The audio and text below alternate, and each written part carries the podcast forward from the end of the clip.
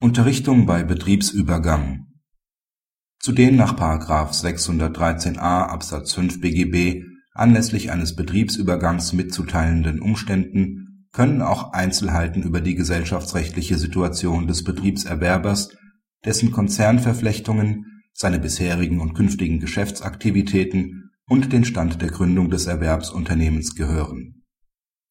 Der Arbeitnehmer ist in der Mobilfunksparte der Siemens AG beschäftigt. Zum 01.08.2005 veräußert die Arbeitgeberin weltweit sämtliche Geschäftsaktivitäten in diesem Bereich an BenQ. In Deutschland werden die Vermögensgegenstände samt der zugehörigen Arbeitsverhältnisse im Wege des Betriebsübergangs auf die BenQ Mobile GmbH und Co. OHG übertragen. Vor der Übertragung werden die Mitarbeiter in einem Unterrichtungsschreiben über den Übergang ihres Arbeitsverhältnisses informiert.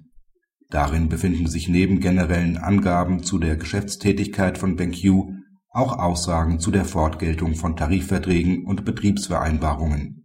Als die Deutsche Erwerbergesellschaft im September 2006 Insolvenzantrag stellt, widerspricht der Arbeitnehmer nachträglich dem Übergang seines Arbeitsverhältnisses und verlangt Weiterbeschäftigung bei der Siemens AG.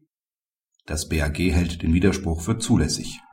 Nach seiner Ansicht war die einmonatige Widerspruchsfrist des § 613a Absatz 6 BGB zum Zeitpunkt des Widerspruchs nicht abgelaufen, da die Arbeitgeberin die Beschäftigten nicht in der gesetzlich vorgeschriebenen Form über den Betriebsübergang unterrichtet hatte Insoweit sind insbesondere die hinsichtlich der Erwerbergesellschaft und ihrer Einbindung in die weltweiten Geschäftsaktivitäten von BenQ gemachten Angaben unzureichend.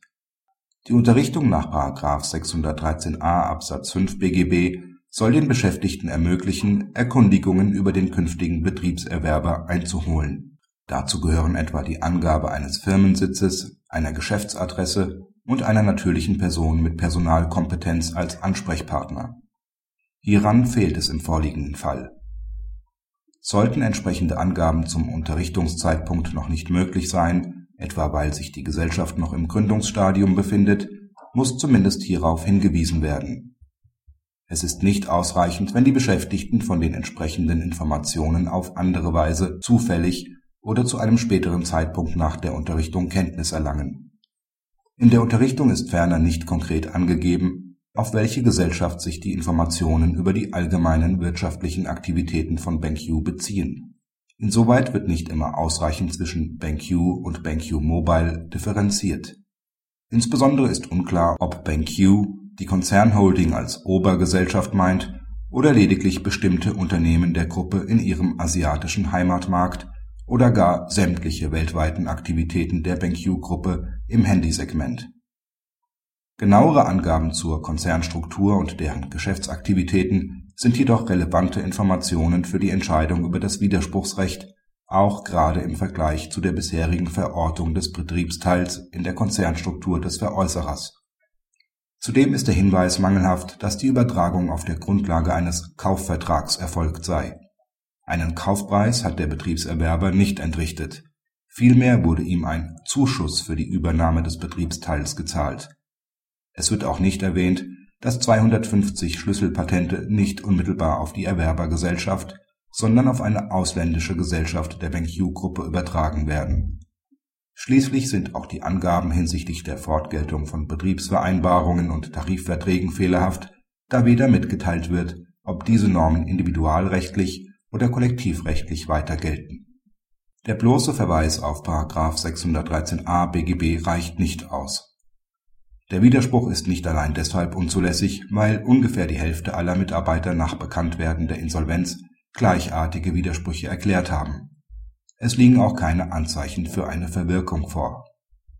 Kritik Die Entscheidung schlägt ein neues Kapitel bei Unterrichtung vor Betriebsübergängen auf. Im vorliegenden Fall enthielten die streitigen Informationen zwar tatsächlich einige grobe Schnitzer, das BAG hat den Fall unbeschadet dessen zum Anlass genommen, seine bisherige Rechtsprechung zur Reichweite der Unterrichtungserfordernisse nochmals deutlich auszuweiten. Mit der Ausgangshypothese, dass ein Arbeitnehmer in der Lage sein müsse, Erkundigungen über den neuen Arbeitgeber einzuholen, wird die Menge der erforderlichen Informationen nahezu unkontrolliert manipulierbar.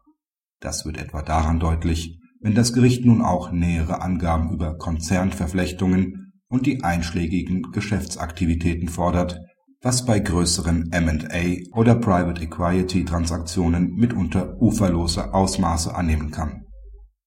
Mit den neuen Vorgaben werden Arbeitnehmer am Ende über potenzielle Betriebserwerber besser als über den eigenen Arbeitgeber unterrichtet sein. Das ist eine eindeutige Überdehnung des Schutzzwecks der Norm